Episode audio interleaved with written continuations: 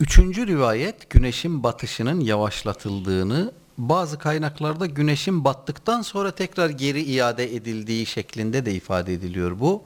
Ama Allahu alem doğrusu güneşin batışının yavaşlatılması, hareketlerinin yavaşlatılmasıdır.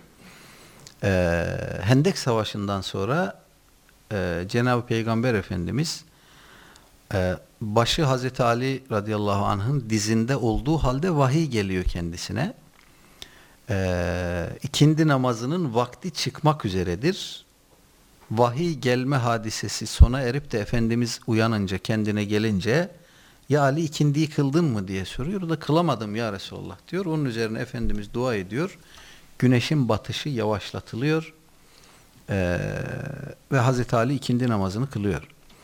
Başta İbn Teymiye olmak üzere bu rivayetin uydurma olduğunu söyleyen pek çok insan olmuş.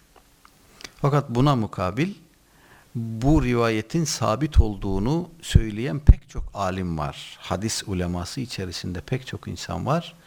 Bu rivayetin uydurma olduğunu söylerken İbn Teymiye bunu e, Minhacü's Sünne isimli bir Şiiye reddiye olarak kaleme aldığı eserinde söylüyor. Bu eserin bir özelliği olarak alimler diyorlar ki bu çok muazzam bir eser. Gerçekten çok kapsamlı, çok kuşatıcı bir eser.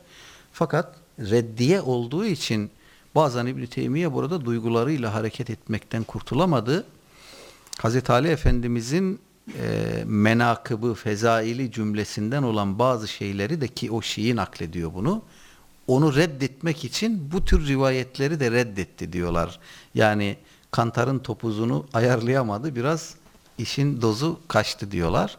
İşte bu rivayetin uydurma olduğunu söylemesinin sebebi de budur diyorlar. E, Şii'yi reddedeceğim derken e, rivayetin sıhhatine taan etti diyorlar. Evet dolayısıyla bu rivayetin uydurma olduğunu söylememiz için elimizde bir sebep yok. Pek çok hadis alemi var. Bu rivayetin mevsuk olduğunu, güvenilir olduğunu söylemiş.